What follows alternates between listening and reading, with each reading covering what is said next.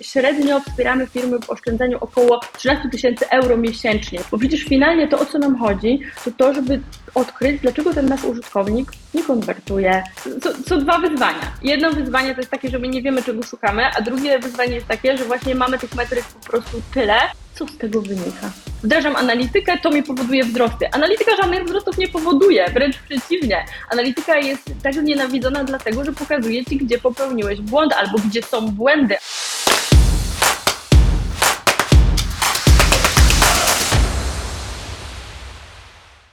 Dzień dobry, witam Was wszystkich w kolejnej audycji Martech Well Done. Dzisiaj moim gościem jest wyjątkowa przedsiębiorczyni. Mam entrepreneur jako pojęcie, które może nie będzie dla Was znane, ale na pewno tym pojęciem dzisiaj w rozmowie się zajmiemy. Pani prezes, doświadczona badaczka i researcherka, ekspertka w obszarze badania doświadczenia klienta, wyjątkowa Paulina Walkowiak. Paulino, bardzo miło mi, że zostałaś moim gościem.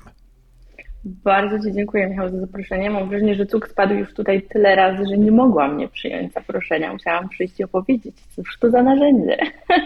Tak, o cuksie, o cuksie dzisiaj będziemy rozmawiać. Cuksa będę Cię podpytywać w obszarze, do czego służy i w ogóle kto z niego korzysta. Może porozmawiamy o jakimś pewnym case study. Na pewno odniesiemy się do tych wszystkich nagród, które pięknie Tak. tam świecą w tle. To pięknie, naprawdę. W ogóle tą rękę to chyba sobie zaplanowałaś. Powinnam tak to... cały czas, prawda? Ślicznie, ślicznie. Operujesz kadrem wyśmienicie. Natomiast ja mam takie pytanie na początek, na rozgrzewkę. Mhm. Paulino, co sprawiło ci uśmiech w ostatnim, co wywołało uśmiech w ostatnim czasie? Twój. Mój uśmiech w ostatnim czasie zazwyczaj wywołuje, wywołują moje dzieci i mój mąż. To jest taki Jakaś powód- konkretna sytuacja? Jakaś konkretna sytuacja. Wiesz co, tak, mamy teraz syna, który zaczął portugalską szkołę, bo jak wiesz, mieszkam w Portugalii. Właśnie, zaczął portugalską szkołę, czyli uczymy się czytać, uczymy się pisać, uczymy się liczyć uczymy się tego wszystkiego po portugalsku. A więc nie wiem, czy kojarzysz taką kultową scenę z przyjaciół, kiedy Joey uczy się francuskiego od Phoebe. I Tak. Phoebe mu e, jakby mówi zdania po francusku, Joey zdaje się rozumieć, powtarzać wszystko, przy czym jak ma sam powiedzieć całe zdanie, to mówi coś, to dokładnie to tak brzmi. I dokładnie tak wygląda u nas nauka czytania. Więc jakby odkrywam w sobie nowe pokłady cierpliwości, odkrywam w sobie w ogóle nowe pokłady jakby bycia człowiekiem i zrozumienia i wyrozumiałości, ale budzi to też we mnie uśmiech, bo sobie myślę, że ten mały człowieczek jednak mimo wszystko robi super postępy i jest dla mnie super bohaterem, że uczy się czytać w języku, którego nie rozumie, którego dopiero się też uczy, Bo, zaczyna bo go jeszcze po polsku nie umie czytać. Po polsku nie rozumiem. umie czytać, nie uczył się nigdy dokładnie, więc teraz wiesz, jak on zaczął się uczyć czytać i uczytał portugalskie wyrazy, to ja mu zaczynam podsuwać polskie. I on nagle zaczyna to czytać i mówi: O, mamo, napisałaś to słowo, wow, to tak wygląda. Ja mówię, no tak. I nagle zaczyna mieć fan z tego czytania w momencie, kiedy ja mu daję te polskie słowa, bo z portugalskimi, no okej, fajnie, ale co to znaczy? I wiecie, wiesz, siedzimy z, z translatorem i rzeczywiście to tłumaczymy. On to, on łapie język bardzo szybko, tak w szkole, no ale tutaj jest jakby dużo, dużo, dużo bardzo ciekawych historii z tym związanych, no bo właśnie z jednej strony mamy taką już poważniejszą, to poważniejsze podejście nauki do języka, a z drugiej strony mam też naszą córkę, która przychodzi do domu i układa zdania, wiesz, w trzech językach naraz, bo jest jeden wyraz po polsku, jeden po angielsku, jeden po portugalsku, a jeszcze w ogóle się pyta, czy pójdziemy dansać. Po, no pójdziemy właśnie. dansać, to Dansać. jest tań, tań, Tańczyć, tańczyć? tak, dansa to tańczyć? jest tańczyć po portugalsku, więc e, ona ma zajęcia z tańca, więc właśnie czy pójdziemy dansać. Okej, okej. Albo na rozumiem. przykład mówi do mnie happy burdel, mamo. I ja sobie myślę, no wiem, że mamy trochę nieogarnięte w domu, ale jakby tylko spokojnie, nie? Ona, nie no naprawdę mamuś, happy burdel, nie? O co chodzi? Jeremie, masz jakiś pomysł? No tak, Irena myśli, że masz dzisiaj urodziny. Happy birthday, mamo. No tak, no dzieci yy, ma, masz takie międzynarodowe, nazwijmy to, Mam bardzo teraz, międzynarodowe, tak. teraz mieszkacie w Hiszpanii, w Portugalii, Portugalii, przepraszam, E, ale w Hiszpanii też był jakiś e, okres, czy mi się wydaje? Nie, w Hiszpanii tylko się. nagrody odbierałam. Aha, przepraszam, Może tak na wyspach pamiętam, pamiętam, widziałem tam na wy... specjalnie gdzieś na jakieś kanaryjskie. Wcześniej był Berlin, Berlin. tak, Mhm. to tam się nauczyły, w Berlinie nauczyły się, rozumiem, mówić po angielsku. Po niemiecku. i po niemiecku, ale był też okres taki polski, prawda? Ja nie mogłem tego Tak, zrozumieć. tak. Gdzie wy Tak. wyjechaliście wtedy No. i gdzie wy mieszkaliście? Powiedz mi to, bo ja, mnie to bardzo interesuje. Czy to było, nie wiem, podkarpackie, świętokrzyskie? Tak, Powiedz mi tą historię tego wiejskiego, wiejskiego domu. Słuchaj, no więc tak, rzeczywiście mieszkaliśmy przez 6 lat w Berlinie, czyli wiesz, kolebka startupowa i ten taki bardzo, bardzo mocno tech świat, który kompletnie jakby nie wyjeżdżaliśmy tam dlatego, tylko wyjeżdżaliśmy tam z powodów totalnie czy, czysto prywatnych. No potem właśnie się tak stało, że założyliśmy firmę, po drodze mieliśmy też dzieci, więc Berlin jest w ogóle fantastycznym miejscem na startowanie rodziny pod kątem w ogóle wsparcia takiego socjalnego i opieki medycznej i tak dalej. Ekstra, naprawdę bardzo, bardzo polecam. No ale wiesz, przyszła pandemia i rzeczywiście w tej pandemii zaczęło nas ciągnąć gdzieś, gdzie no jakby moglibyśmy spędzić ten czas trochę milej niż tylko w czterech ścianach w Berlinie, który jest zamknięty i o 21 wygląda jakby ktoś wtyczkę wyciągnął, wiesz, od światła po prostu w całym mieście. I to chyba stąd ta wyspa, bo byliśmy rzeczywiście na Maderze, a Madera jest portugalską wyspą, więc to chyba stąd ci się musiało skojarzyć. Okej, bez to mi się, mi się tak. coś, coś Tak, musiało... więc byliśmy przez chwilę rzeczywiście na tej, na tej Maderze, zobaczyliśmy, że jest super i że właściwie no to nie ma znaczenia, czy my robimy naszą robotę i mamy dzieci w domu, nie wiem, w placówce w Berlinie czy na Maderze, więc pojawił się pomysł na, na, na Portugalię i na przezimowanie w Portugalii. No ale właśnie w międzyczasie stwierdziliśmy, no dobrze, no ale utrzymywać mieszkanie w Berlinie i jeszcze wyjeżdżać do Portugalii, no to trochę jest dużo, ten Berlin i tak teraz trochę nie ma sensu, nie wiadomo ile to potrwa, a mamy chatkę w lesie e, właśnie w Polsce B, tak zwanej. Chatka w lesie w Polsce B. Ka- chatka w lesie w Polsce B. Totalnie. Świętokrzyskie, środek lasu, 500 metrów do najbliższych zabudowań, cisza, spokój, stodoła, jelenie za, za płotem, nie? I tak sobie Ale myślimy- internet mieliście jakieś taki Słuchaj, internet to LTE, mieliśmy czy... lepszy niż w Berlinie, w centrum miasta generalnie, wiesz, bo Niemcy przeszły transformację cyfrową 30 lat temu i jakby it, a w Polsce jednak ten postęp technologiczny jest większy, więc mieliśmy rzeczywiście internet, wiesz, taki mobilny, no ale w tym momencie to już mam wrażenie, że tak, no na takiej, do takiej codziennej pracy nie ma Jest to takiego znaczenia, jest, jest wystarczający. absolutnie. Nic nam nie utrudniał, więc mieliśmy internet, nie mieliśmy toalety i w pewnym momencie przestaliśmy mieć wodę. To znaczy, mieliśmy wodę, ale w studni, więc pompa nie działała i wyobraź sobie, że pani prezes chodziła z wiadrem do studni i kręciła W wodę. gumofilcach jeszcze. W gumofilcach Jak wygląda życie startuperki, tak? Mniej więcej tak, nie? I to, jest, to było w ogóle bardzo odświeżające. To jest w ogóle takie doświadczenie, o którym ja bym mogła bardzo dużo opowiadać, bo takie życie na wsi nagle i takie, y, wiesz, bycie tam w tym takim um, stanie, w jakim ten dom był, kiedy tam moja prababcia mieszkała tak naprawdę. Myśmy tam tylko zrobili łazienkę, ona nie miała nawet łazienki, myśmy zrobili łazienkę, ale wiesz, toaleta jakby da, dalej nie mamy. Mamy taką kempingową po prostu i, i, i wychodek. To jest ty- tyle. Właśnie może się okazać, że Ile nie tam będzie mieszkaliście? wody. Pięć miesięcy. Wow. Pięć miesięcy, bo plan był taki, że no dobra, fajnie, fajnie, survival, super lato, ciepło, spędza się czas na dworze, ekstra, ale i można robić, wiesz, startupy ze stodoły, z garażu, to czemu nie robić ze stodoły, takie, takie polskość taka teraz się obudziła chyba trochę. No i, i, i pomysł był taki, że lecimy do Portugalii przezimować i wracamy do Polski, budujemy coś tam, bo rzeczywiście super miejsce, fajnie byłoby tam być, no ale może jednak trochę w bardziej cywilizowanych mm, warunkach tak na co dzień, jeżeli mamy tam mieszkać. No i poleciliśmy na tą Maderę na pół roku, e, po czym jak mieliśmy już wracać, mieliśmy wracać w marcu, no to na koniec lutego wybuchła wojna w Ukrainie. Stwierdziliśmy, hmm, 250 km od granicy, patrząc na to, co się dzieje ekonomicznie, pakować się teraz w budowę, hmm, sprawdźmy, co się dzieje w Lizbonie pomiędzy. Ale to nie Okej. był taki do końca po, pomysł na samą Lizbonę, bo myśmy międzylądowanie, wiesz, jak wracaliśmy, więc tak czy inaczej mieliśmy w tej Lizbonie być i nie mieliśmy jeszcze biletu do Polski. Więc Kamil się śmieje, że jak to jest, dlaczego mieszkałam w Portugalii, bo mieliśmy międzylądowanie.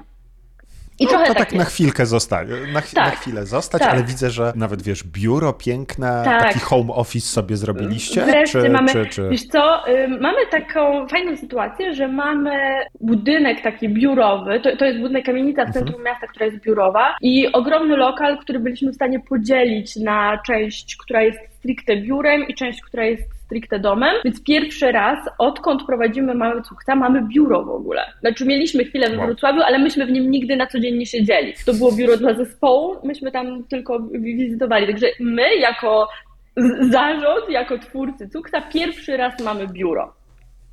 Pani prezes ma swój gabinet, czy jednak współdzieli e, jego? Współ- z- Współdzielę jednak, współdzielę, współdzielę jednak. Tak. No, jeszcze, jeszcze się mimo tych wszystkich nagród nie pomieszało w głowie. Paulino, Wiesz, bo współ- może. Nie chciałam powiedzieć, Żartuję że sobie, współdzielimy dzieci, sobie. współdzielimy życie generalnie, więc i gabinet możemy też współdzielić. Paulino, bo pewnie byśmy mogli porozmawiać o Twoich podróżach, generalnie mam entrepreneur cały, cały odcinek, natomiast w podcaście Martę Mhm. Well Done ja chcę porozmawiać troszeczkę na temat główny, czyli technologie marketingowe. Jesteś panią prezes narzędzia, Nieustannie które mnie to bawi. jest... Co, nieustannie cię bawi, że jesteś panią prezes, czy... Tak, tak, naprawdę.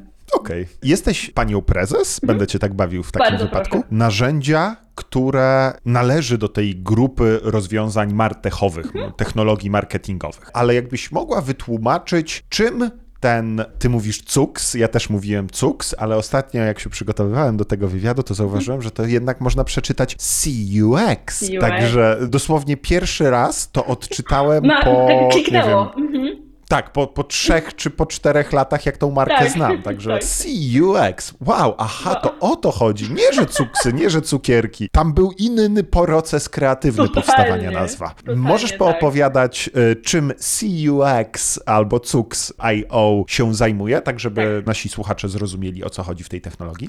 Pewnie. Tak najprościej rzecz ujmując, CUX jest po to, żeby jak najszybciej dojść do tych miejsc na ścieżkach naszych klientów, które powodują to, że oni finalnie nie decydują się na zakup, które powodują to, że oni się frustrują, które powodują ich zagubienie, czy jakiekolwiek problemy, które mogą wpłynąć na to, że Twoje wskaźniki nie rosną tak szybko, jakbyś chciała, albo w ogóle nie rosną, albo wręcz spadają. I tak najprościej rzecz ujmując, temu służymy. Wykrywaniu problemów, odkrywaniu tych miejsc, gdzie klienci utykają, frustrują się, gubią Okej. się. Tak to, tak Zabrzmiało to jak, jako takie narzędzie monitoringu alertów jakiś, że nie wiem, masz 404 na stronie Add to Cart albo coś takiego, albo przycisk Purchase ci nie działa, gdzie tymczasem wiele osób, które jednak siedzi w tej układance marketingowo-technologicznej, bardzo często porównywało, no bo tak działa ludzki mózg, żeby zrozumieć Tak. coś, to porównujemy to do tego rozwiązania, które znamy. Bardzo wiele osób zna Hotjara i to był taki, taki polski Hotjar, ale trochę lepszy. Tak. Ja bym chciał pójść w tą dlaczego lepszy i jakbyś mógł, mogła wytłumaczyć, bo są rozwiązania bardzo popularne, takie masowe, jak chociażby Hotjar. Tak. Są rozwiązania mniej znane, ale darmowe, jak Microsoft Clarity. Mhm. Clarity. I jakbyś mogła wytłumaczyć naszym odbiorcom, dlaczego wasi klienci kupują, bo wy jesteście raz drożsi, drożsi, czyli lepsi. Jaką wartość kupują, jacy są to klienci, żeby Jasne. jednocześnie zdefiniować tą ideal customer persona dla Tak. CUX i tą wartość, którą oni od was kupują. Pewnie.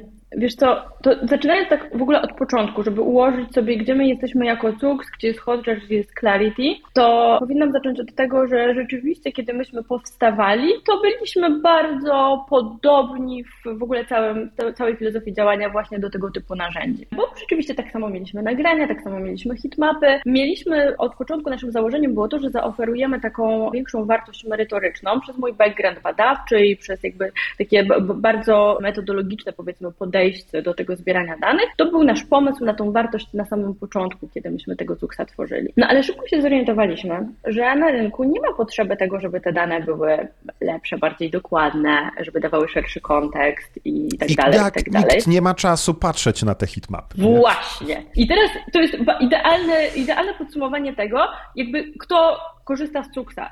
Z Cuxa zaczynają zazwyczaj korzystać ludzie, którzy już mniej więcej wiedzą, że na przykład takie rozwiązania jak Hotjar są. Na przykład mieli je wpięte na stronie. Celowo mówię, mieli je wpięte na stronie, a nie z nich korzystali, bo to zazwyczaj tak wygląda, wiesz. To są klienci, którzy mieli wpięte tego typu narzędzia i stwierdzili, że kurczę, my i tak nie mamy czasu, żeby z tego korzystać, i tak nie wiemy właściwie, czego my tam do końca szukamy, a wy tutaj mówicie, że robicie część roboty za nas, to my sprawdzimy to. Rzeczywiście, jakby gro naszych klientów to są klienci, którzy mają doświadczenia z takimi narzędziami jak Clarity lub Hotjar, ale stwierdzili, że oni chcą rzeczywiście, oni widzą, że to może dać wartość, natomiast nie mają tyle przestrzeni, czasu, motywacji, ale też widzą pewne ograniczenia tych narzędzi, które uniemożliwiają im pójście dalej. Więc jakby Okej. tak idąc dalej, jakby obrazując to, czy czym jest Cux, to właśnie tutaj jest to. No i teraz, co to jest to, co oni dostają w Cuxie, czego nie dostają w takim Hotjarze czy, czy Clarity? Jeśli chodzi o, o samo Clarity, to to jest darmowe narzędzie i Microsoft w ogóle nie kryje się z tym, że wykorzystują te, te dane do tego, żeby uczyć swoich algorytmów algorytmów, swoje algorytmy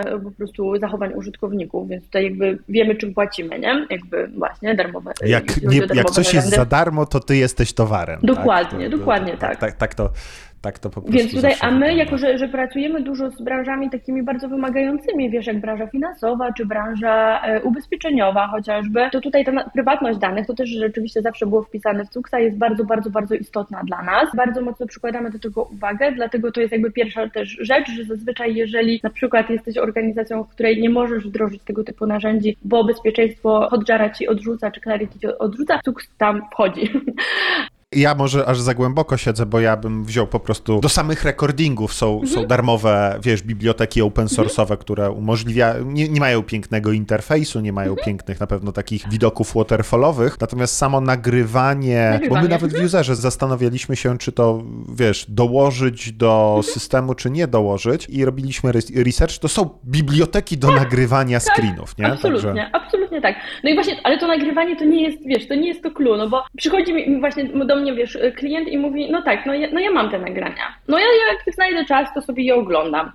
Tylko ja nie wiem, co, co tam dalej. Ja nie wiem, jakby jaka jest skala występowania. Jeżeli znajdę jakiś problem, to nie wiem, jaka jest skala jego występowania. Czy to wiesz, czym to się różni od tego, czy zapytamy pięciu ludzi, wiesz, na korytarzu, tak zwane testy korytarzowe, czy widzą ten problem, czy nie. E, Właśnie od tego, że sobie zaobserwuję, okej, no jest tutaj ten problem, ale czy on ma faktycznie jakby ma wpływ na realnie na mój biznes, na wskaźniki, które mnie interesują i czy ta skala występowania jest taka, że my w tym całym backlogu, który wiesz, zawsze ma wszystko priorytetowe i nigdy nie ma czasu na realizację wszystkiego, czy na pewno to jest ta Cztery- rzecz... 450 Dokładnie. priorytetów, High, ultra, ultra high, ważne. Tak, dokładnie tak. Czy, czy ja tego na pewno potrzebuję? Czy to jest ta zmiana, którą powinienem wdrożyć? Więc to nie odpowiada na absolutnie jakby żadne pytania, nie, nie daje żadnych dylematów. Jest Moim zdaniem Hotjar, przez to, że jest to tak bardzo rozpropagowany, zrobił świetną robotę taką edukacyjną na rynku. Czyli, że ludzie faktycznie zobaczyli, że otwiera, otwiera im oczy to, że oni widzą, jak ludzie się zachowują, czyli ich użytkownicy się zachowują, nie? I to jest ekstra. To jest świetne i ja jestem za tutaj jakby bardzo wdzięczna, że to ich pieniądze na to poszły i to oni to rozpropagowali, bo ja No mam to jest już... bootstrapowana firma w ogóle, przez, No, to- to jest taki case tak, sasowy. Tak, tak, tak. No, oni mieli super, super timing, wiesz, fajnie, fajnie weszli i świetnie to wszystko tam zadziałało. Natomiast właśnie, no oni jakby pokazali, że to jest wartość, ale w pewnym momencie mam wrażenie, że ta, ten ich kierunek rozwoju trochę i, i się zatrzymał i trochę to zmieniają, trochę idą w zupełnie inną stronę. Teraz widziałam, coś tam ogłaszali z testami UX, więc tak bardzo, bardzo bazowo. A my z kolei, ponieważ Cux, wiesz, powstał z naszej takiej po prostu potrzeby, bo wiesz, że jakby jesteśmy, byliśmy w technologiach, mieliśmy rzeczywiście taki butikowy software house przez chwilę z Kamilem i my rzeczywiście potrzebowaliśmy takiego narzędzia, żeby zrozumieć, co ci użytkownicy na końcu robią. Im dłużej byliśmy na rynku, tym bardziej też rozumieliśmy, że tutaj nie chodzi o same te dane, tylko realnie chodzi o te insighty, o to, co jest tam na końcu. Żeby były te insighty, nie jesteś w stanie tego wyciągnąć z samych nagrań, czy po prostu z tego, że spojrzysz sobie na hitmapę, tylko potrzebujesz połączyć ze sobą kilka kropek, żeby wyciągnąć ten insight, czy, czy, czy to usprawnienie, które my nazywamy sobie quick winem, czy cokolwiek innego. To super, czyli nie, nie konkurujecie na ilość nagrań, które możesz odtworzyć, nie konkurujecie na, nie wiem, ilość gigabajtów czy ruch, które prze, przetwarzacie, tylko konkurujecie na elemencie eksperckim, rozumiem? Czy, Tak, czy jakimś pewnie algorytm, algorytm driven, bo to też człowiek Tak. może spojrzeć, ale pewne rzeczy można zautomatyzować. Na pewno jest ten alert, bo rozumiem, że te rzeczy coś powodujące, że a, irytuje się, irytuje się i klienci się nie irytowali na tej stronie, teraz się irytują, zerknij. Mhm. To, to, to super, a czy coś jeszcze oprócz tego Mhm. alertu? Tak. Ja bym, wiesz co, myślę, że żeby w ogóle dobrze Ci wytłumaczyć, jak, jak to wygląda i dlaczego to się przydaje firmom, to muszę Ci Przykład. o, o całej filozofii dokładnie, o przykładzie y, tego, jak, jak, jak to działa. Więc zazwyczaj dotychczas firmy, które robiły taką analizę i wcielały w to jakieś narzędzia, które dają im też te nagrania i hitmapy, miały cały, wiesz, wielki stack technologiczny, czyli rzeczywiście z jednej strony Google Analytics, e, potem ten Hotjar, jeszcze jakieś Google Data Studio, a w ogóle to wszystko to trzeba i tak przetestować w badaniach z użytkownikami. No i to wszystko puchnie, no bo to jest ogromna bariera w ogóle, no jakby wejścia, poustawiania tego, ludzie, którzy są w to zaangażowani. Do każdego narzędzia masz innego specjalistę, to są kosmiczne koszty. Się obliczyli, że my tak średnio wspieramy firmy w oszczędzaniu około 13 tysięcy euro miesięcznie, tak bazowo w ogóle, bez wniosków i ich implementacji, tylko tak w ogóle na całym staku technologicznym. Okay. Myślę, że to jest całkiem spora oszczędność już na wejściu. I druga rzecz jest taka, że w tym całym naszym świecie analitycznym, który, no nie oszukujmy się, jest dosyć młody, jeśli chodzi o rozwój produktów cyfrowych cały czas. Ludzie jakby, no Google Analytics to jest ile lat? 20 na mm, rynku? Jeszcze nie jak nie był Google'owy, to, to pewnie będzie, będzie coś koło tego. No, max. Max.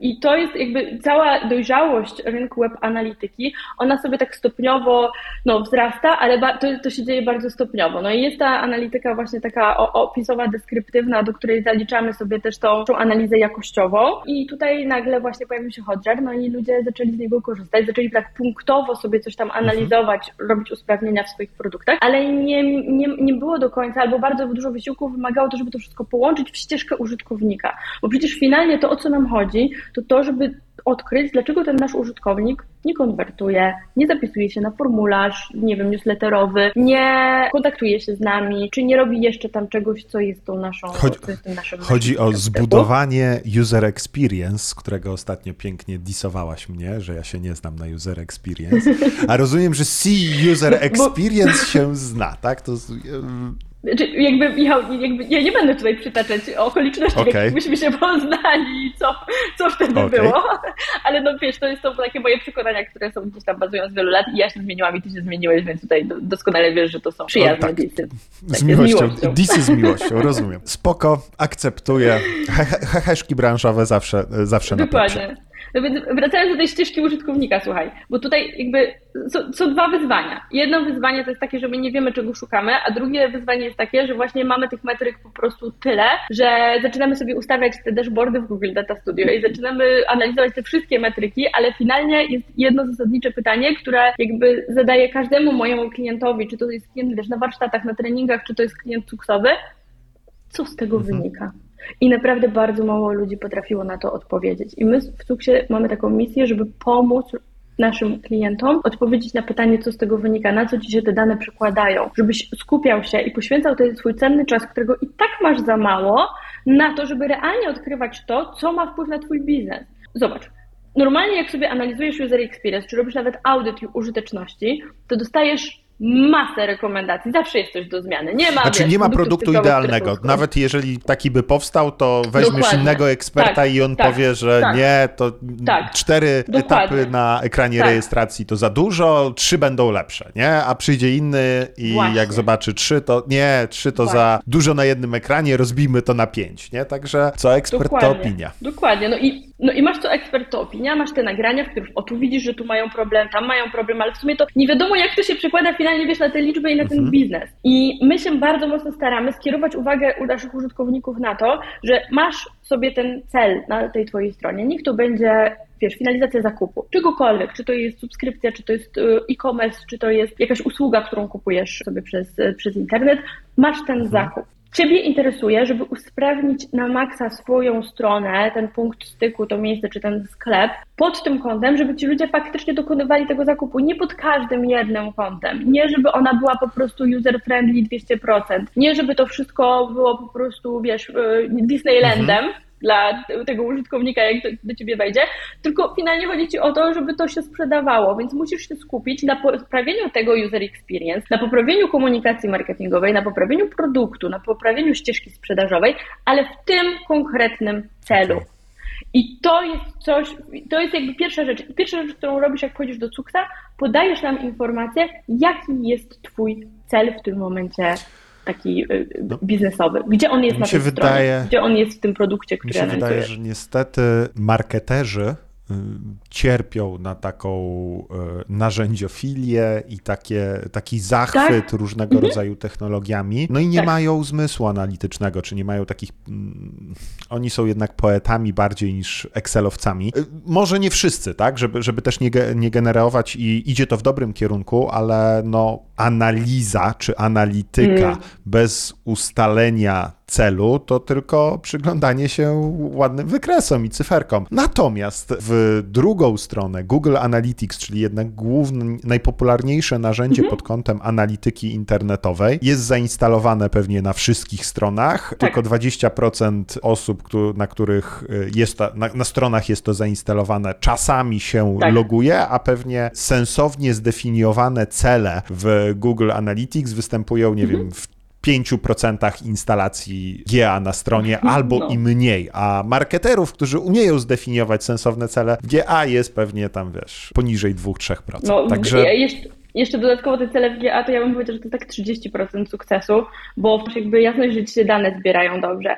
A potem masz jeszcze tą kwestię, dobra, do których ja danych muszę dotrzeć i jaki jest ten mój cel, więc mamy, wiesz, jakby trzy składowe tego, tego sukcesu i to jest naprawdę sporo, żeby ogarnąć, szczególnie jeśli do tej pory nie zajmowałeś się tą analityką. Ona naprawdę jest taka przerażająca.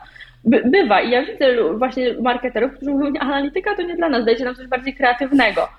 Ale z drugiej strony właśnie staram, wiesz, to jest kompetencja przyszłości. Nie da się optymalizować produktów cyfrowych bez kompetencji analitycznych. Po prostu, jeżeli chcemy być w tym świecie, to musimy te kompetencje jakoś zdobyć, jakoś posiadać, jak, jak, w jakimś stopniu. To w takim No. wypadku, w takim wypadku, ponieważ ty jesteś również, oprócz tego, że jesteś panią prezes, ekspertem, doradcą, to również jesteś edukatorem. Wykładasz na, Mhm. na, na kilku uczelniach. Czy da się nauczyć bycia analitykiem, Mhm. a jeżeli da się, to jakie, jakie takie naturalne preferencje, na- naturalne cechy charakteru w tym pomogą? No i jak to zrobić? Jak to, w sensie, dobra, do tej pory, nie wiem, kupowałem media w domu mediowym albo zarządzałem projektami w agencji reklamowej, cokolwiek. Dochodzę do wniosku, że jak ładnie powiedziałaś, analityka to jedna z kompetencji przyszłości.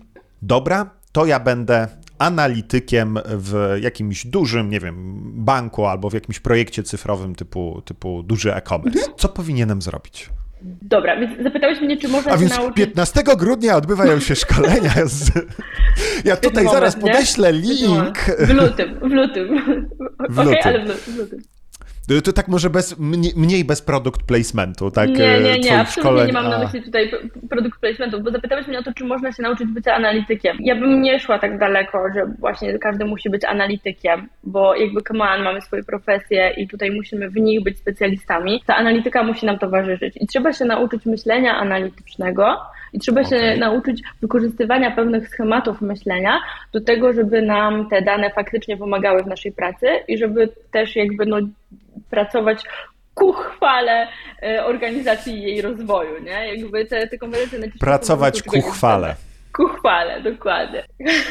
I te, teraz jakby jak, jak się tego nauczyć? No przede wszystkim ja zawsze mówię na swoich szkoleniach, że jak ci pytam od czego, dobra, to mamy tą analizę danych, to od czego zaczynamy? Co potrzebujemy, żeby móc zacząć analizować dane? No i co, jaka jest najczęściej padająca odpowiedź, jak myślisz? Znaczy potrzebujemy celu i danych wkładowych dla mnie. No to ty Ale- dowiesz. Odpowiedź E, jest okej. narzędzi. Potrzebujemy narzędzi. Okej. Powiedz nam, jakie narzędzia my potrzebujemy i wtedy będziemy analizować dane. No nie, Excel. narzędzia to jest, tak, dokładnie. Narzędzia to jest gdzieś tam kolejny etap. Potrzebujemy rzeczywiście zrozumieć, co my właściwie chcemy przeanalizować. I to też jest taki proces dwuetapowy, więc żeby się tego nauczyć, to ja polecam, żeby zacząć w ogóle od tego, żeby nie skupiać się na samej analizie danych, tylko od tego, żeby ułożyć sobie taki flow, czego ja właściwie potrzebuję. Jaki jest mój punkt startowy, e, jak ja swoje cele biznesowe przełożę na cele analityczne, bo to nie jest jednoznaczne, wiesz, bo y, utarło się w pewnym momencie, mam wrażenie, taki wiesz, skrót myślowy, że wdrażam analitykę, to mi powoduje wzrosty. Analityka żadnych wzrostów nie powoduje, wręcz przeciwnie. Analityka jest tak znienawidzona dlatego, że pokazuje ci, gdzie popełniłeś błąd, albo gdzie są błędy, albo gdzie twoje rozwiązanie nie jest kompatybilne z użytkownikami, którzy z niego korzystają, nie? I ludzie tego nie lubią, no bo jesteśmy przyzwyczajeni, wiesz, od dziecka jesteśmy wychowywani do tego, że mamy być, robić dobrze swoją pracę. Nie mamy popełniać błędów, nie mamy się mylić. I to nie jest nic dziwnego, że jak ktoś wchodzi, wiesz, do analityki, to torturuje dane, jak mówi z- z- słynny cytat, często używany na konferencjach, tak długo, aż powiedzą to, co on chce, czyli że generalnie to jest okej, nie? Nieważne, że tam Da, dajcie mi błędy. dane, a ja każdą tezę jestem w stanie Dokładnie. udowodnić, nie? To, to, to, Dokładnie. po to te dane są, Tak, nie? no Żeby właśnie, więc- udowodnić moje wcześniej, wcześniej Tak. założony wniosek, nie? Jeżeli właśnie, jest więc- ich wystarczająco dużo, to zawsze da się. Więc kluczowe do zrozumienia i do wykorzystywania tych kompetencji analitycznych jest zbicie tych barier u nas w głowie i tych takich, wiesz, błędów myślowych, które my popełniamy, bo bronimy się przed tym, co ta analityka nam daje. Analityka nam daje fantastyczne narzędzia i opcje do tego, żeby faktycznie odkryć, gdzie takie problemy mogą występować i móc je optymalizować. I służy optymalizacji, a nie osiągnięciu sukcesu. Od sukcesu jest biznes. Okay. I to jest jakby kluczowa zmiana, którą trzeba przejść i którą trzeba zrozumieć, którą trzeba wyćwiczyć sobie i wiesz, mieć ten aha moment, żeby móc pójść dalej. Dopiero później możemy się zastanowić, co dla nas, co w naszym biznesie będzie tym, tą wartością. I tutaj też wiesz, jakby jak mamy jakieś metryki typu, nie wiem, zaangażowanie użytkowników, to w każdym projekcie to znaczy coś innego. Jak ktoś mi mówi, że no to my będziemy mierzyć zaangażowanie, to ja mówię, świetnie, to co to znaczy? No jak, no przecież w Google Analyticsie to wiadomo, jest zaangażowanie, mówię, tak? I dla ciebie zależy ci na tym, Ale tam jest taka metryka chyba taka Jest taka metryka, założenia. zaangażowanie, Okay. tak. I to zaangażowanie to jest e, jakby ilość e, tam odsłon i czasu spędzonego na stronie, nie? No i, ja, i, i masz taki e-commerce, który sprzedaje, weźmy na to głównie przez social media, na mobilu, nie? I ja się pytam, naprawdę zależy Ci na tym, żeby użytkownicy u Ciebie spędzali jak najwięcej czasu i jak najdłużej tą, tą ścieżkę przechodzili? No w sumie nie, bo jeżeli oni zobaczą ten produkt na storkach na Instagramie, to ja chcę, żeby oni go po prostu kupili. Tak, no to właśnie. generalnie minimalizacja sesji przy, długości sesji przy utrzymaniu Dokładnie. danej konwersji, Więc, nie? No Poziomu właśnie, konwersji. więc jakby musimy zrozumieć, co my właściwie chcemy mierzyć, nie metrykami, tylko tak, ja, ja, ja, mówię, że to trzeba zrozumieć łopatologicznie i wtedy ta analityka też przestaje być straszna, bo nagle nie operujesz jakimiś, wiesz, buzzwordami, słowami, które gdzieś tam znasz z artykułów o Google Bounce Analyticsie. rate. Bounce rate, to jest bounce rate, dokładnie. Tylko skupiasz się na tym, co realnie y, ma tutaj, y, ma tutaj u ciebie znaczenie. No i jak to już wiesz, to jeszcze musisz, y, jeszcze masz jeden krok, czyli jakby co ty z tego, co z tego finalnie będzie? Czy ty to musisz zrobić, żeby zaraportować zarządowi? Wtedy trochę inaczej będziesz podchodził do tego procesu, no bo jednak Wtedy muszą musiał... być ładne wykresiki i wiele stron. I hitmapy, koniecznie hitmapy. I Nie ma raportów do prezesa bez hitmapy. A już w ogóle jak będą linki do wideo, to o, O, no różnie bywa, różnie. To jest o Różnie linki. bywa. O, linki dla prezesa do nagrań to jest triki, bo prezes zawsze zauważy nie to, co ty chcesz pokazać, tylko Okej. dokładnie coś, co potwierdzi jego tezę. To sta- 100%. 100%, naprawdę. Ja w ogóle mówię na, na, na warsztatach zazwyczaj, że żeby opowiedzieć o danych, to nie pokazuj danych. I to jest jakby clue. No. mhm. Tak. ciekawy pomysł. Tak, ja znaczy b- danych takich źródłowych, bo jednak e, No. konkretna cyfra, konkretny wskaźnik, konkretne porównanie Tak. danych, pokazanie trendu na danych, bo same dane to wiesz, to cyferki, nie? Ale, Tak. ale pewne zmiany w tych danych albo Zmiany, odchylenia od, od wcześniejszych, to, to jest to, co pokazujemy w danych, no bo Dokładnie. Czy tam Michał Sadowski u mnie był i on Mhm. mówił zawsze, zanim zadasz pytanie, to on mówi 13 centymetrów, nie? I czy to jest dużo, czy to jest No mało? dokładnie. Wracając na takie bardziej przyziemne tematy. Fantastycznie powiedziałaś, co robi CUX, będę się tą nazwą teraz bawił, a chciałbym ciebie zapytać, co będzie robił CUX, CUX w 2000, takim odległym, ale może nie tak odle- jeszcze odległym, 25-26. To jest taki, taka, wiesz, niby 3 lata, ale z drugiej strony to jest, wiesz, już jesteście ponad 3 lata na rynku, także Tak. przeszliście przez długą ścieżkę. Pewnie nie myślałaś, że tym CUX będzie 3 lata temu, ale No, czy teraz nie. myślisz, czy, czym CUX będzie w 2025? Słuchaj, no właśnie ja trochę zaczęłam opowiadać o tej dojrzałości rynku analitycznego i my bardzo mocno obserwujemy te trendy, mm, właśnie w którą stronę rynek idzie i jak ta analityka się rozwija, jak w ogóle rozwija się cała branża i ewidentnie jakby wszystkie drogi prowadzą do predykcji. Wszystkie drogi prowadzą do tego, żeby zwinnie wykorzystywać algorytmy, do tego, żeby pewne rzeczy pomagały nam przewidywać, pewne rzeczy pomagały nam prognozować i też pomagały nam w pewien sposób segmentować wszystkie te dane, które mamy. Więc absolutnie CUX idzie również w tę w tę w tę stronę takiego, wiesz, o, o, opowiadania tych ścieżek użytkowników ich dotarcia do celu, cały czas staramy się jakby kolejne kroki automatyzować. W tym momencie automatyzujemy, bo wykrywamy wzorce zachowań. Za chwilkę będziemy opowiadać o czerwonych flagach, czyli takich miejscach, które na pewno, e, jeżeli one się u Ciebie wydarzą, to z bardzo dużym prawdopodobieństwem klient w ogóle nie kupi, bo nie przyszedł po to, albo właśnie wypadnie Ci z tej ścieżki, bo właśnie zadziały się te czerwone flagi, czyli taki zestaw zdarzeń, który świadczy o tym, że ten u- użytkownik no już po prostu zrezygnował Dziękuję. Okej, mo- możesz tak jakby przełożyć, y, bo czerwone flagi mogą być No. zrozumiane, że, że, że no coś jest nie tak, tak? To, to są jakieś symptomy. A Tak. możesz to przełożyć na taką konkretny scenariusz. Czepmy się najprostszego, sklep internetowy, prawda, który ma różne kanały pozyskania, również storieski Tak. na Insta. Co może być takimi czerwonymi flagami? To wszystko zależy od y, też specyfiki Twoich klientów, bo tutaj mamy jakby algorytmy są trenowane do tego, żeby określić, jak to tak wygląda średnio u Ciebie, jaki jest standard u Ciebie w sklepie, czyli jakie wizyty, o jakiej długości mniej więcej faktycznie Ci konwertują, jakie kroki musi przejść użytkownik, co tam się wydarza na stronie, jaki na przykład poziom frustracji jest dopuszczalny i wszelkiego typu odchylenia od tego standardu, czyli takie sytuacje, kiedy na przykład użytkownik spędza za dużo czasu na stronie, albo właśnie tej frustracji dzieje się więcej, czyli wiesz, najpierw klikuje, później odświeża, a na końcu po prostu wali w klawiaturę. To wszystko są takie zestawy różnych zachowań, które złączone razem pomagają nam przewidywać, że hej, ten klient to jednak finalnie no, nie ukończy tego zakupu, albo ten klient jest tutaj jakby zagrożony, bo może faktycznie już stracił zaufanie do Twojej marki. To też bardzo fajnie widać, jak marki wchodzą na nowe rynki. Często rzeczywiście Cux pomaga, wiesz, tak zdalnie obserwować, co się dzieje na tych nowych rynkach. I rzeczywiście bardzo są takie zachowania, które są typowe dla nowych rynków. To są takie momenty, kiedy użytkownik na przykład zaczyna wypełniać formularz mm, checkoutowy, ale w międzyczasie jednak czyta ten regulamin, jednak czyta informacje o firmie, jednak dowiaduje się o zasadach dostawy, zwrotu. Widać to po prostu prawie, że za każdym razem, kiedy nasi klienci wchodzą na nowy rynek. Później jest kolejna faza, bo jak już y, jakby jest tak, że faktycznie widać, że y, ta marka jest przez chwilę na rynku i ten klient już tak trochę i bardziej ufa, to potem właśnie te kwestie dostaw, y, sposobów płatności, wiesz, dostosowania się znowu do rynku, to jest taki kolejny etap, który gdzieś tam klienci przechodzą. No i potem dopiero jest kwestia samych produktów, dopasowania oferty do tego, czego rynek potrzebuje. Bardzo Spoko, fajnie to, widać to takie. Takie jakościowa nakładka na konkretną inicjatywę biznesową.